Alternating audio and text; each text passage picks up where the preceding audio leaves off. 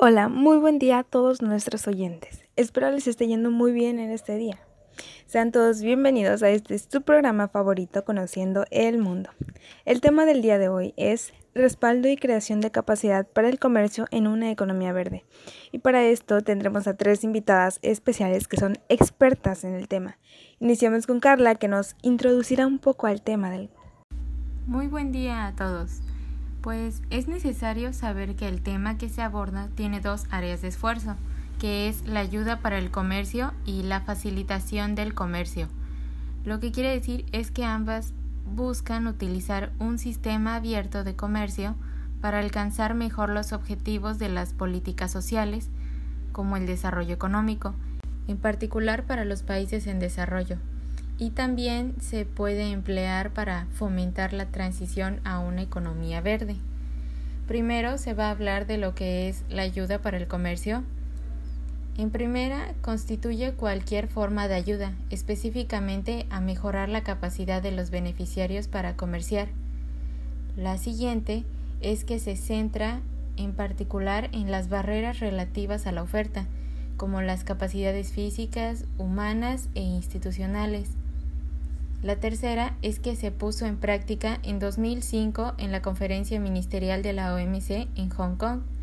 Y la última es que está diseñada para ayudar a los países en desarrollo y en particular a los países que son menos adelantados. Oh, esto es muy interesante. Entiendo que existen categorías según las describen el equipo de trabajo sobre la ayuda para el comercio de la OMC. ¿Nos podrías platicar un poco acerca de estas categorías? Sí, así es. Existen cinco categorías y la primera es la de asistencia técnica para políticas y reglamentaciones comerciales. Por ejemplo, ayudar a los países a crear estrategias comerciales, negociar acuerdos e implementar sus resultados. La segunda es la infraestructura relacionada con el comercio. Algunos ejemplos vendrían siendo como construir nuevas rutas, puertos y redes de telecomunicaciones para conectar los mercados internos con la economía mundial. La tercera categoría es la creación de capacidad productiva, que ésta incluye lo que es el desarrollo comercial, por ejemplo, el respaldar al sector privado para así poder explotar sus ventajas comparativas y poder diversificar sus exportaciones. La cuarta es el ajuste relacionado con el comercio, que por ejemplo busca ayudar a los países en desarrollo con los costos asociados con la liberación del comercio, como la pérdida de los ingresos arancelarios, que esto es una erosión de las preferencias.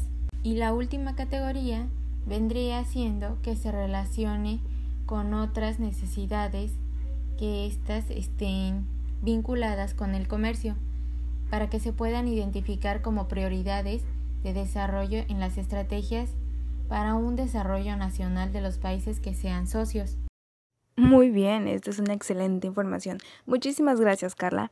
Ahora prosigamos con nuestra otra invitada, Dayana, quien nos hablará sobre varios puntos de la facilitación del comercio.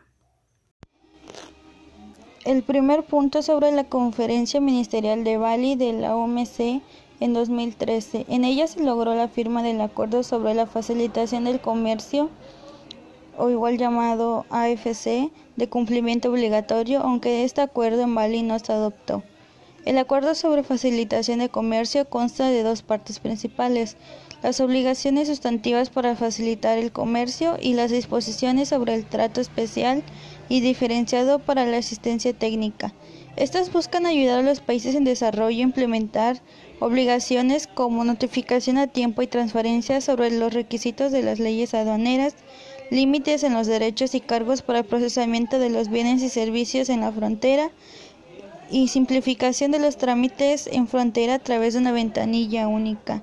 El AFC apunta a contribuir al crecimiento económico y a la reducción de la pobreza a través de la disminución de los costos de comercialización y las ineficacias, el aumento de la competitividad y las exportaciones. También la facilitación del comercio se trata de ayudar a, comercializar más fácilmente las mercancías a través de las fronteras. La OMC la define como la, simplificación y la unificación de los procedimientos del comercio internacional. En 2004, los miembros de la OMC iniciaron las negociaciones formales para elaborar y formalizar los principios que sustentan estos artículos como parte de la ronda de Doha para el desarrollo. Muchas gracias Dayana por hablarnos de la facilitación del comercio. Ahora continuamos con nuestra siguiente invitada, Alondra. Tú háblanos un poco de los retos y oportunidades que trae consigo la economía verde. Así es, Jennifer. Bueno, en la medida que la AFC conduzca a generar más actividad comercial, esto acarreará un mayor impacto en el medio ambiente debido al aumento de las emisiones de los gases de efecto invernadero generadas por el transporte y la producción aparte de más consumo de los recursos naturales con los consiguientes riesgos para el abastecimiento de agua, las tierras fértiles y la biodiversidad natural. Algunas características son la reducción de costos, eh, una mayor eficacia disminuye los desechos y los impactos ambientales negativos. Está la sanción de costos adicionales que permitirá a importadores adquirir mercancías que serán autorizadas en las fronteras para después poder comercializarlas. Puede permitir un aumento del comercio de tecnología, servicios y bienes ambientales, mejorando la implementación de dichas tecnologías con energía renovable. Bueno, entonces entendemos que la economía verde dejará muchísimas buenas oportunidades para el comercio.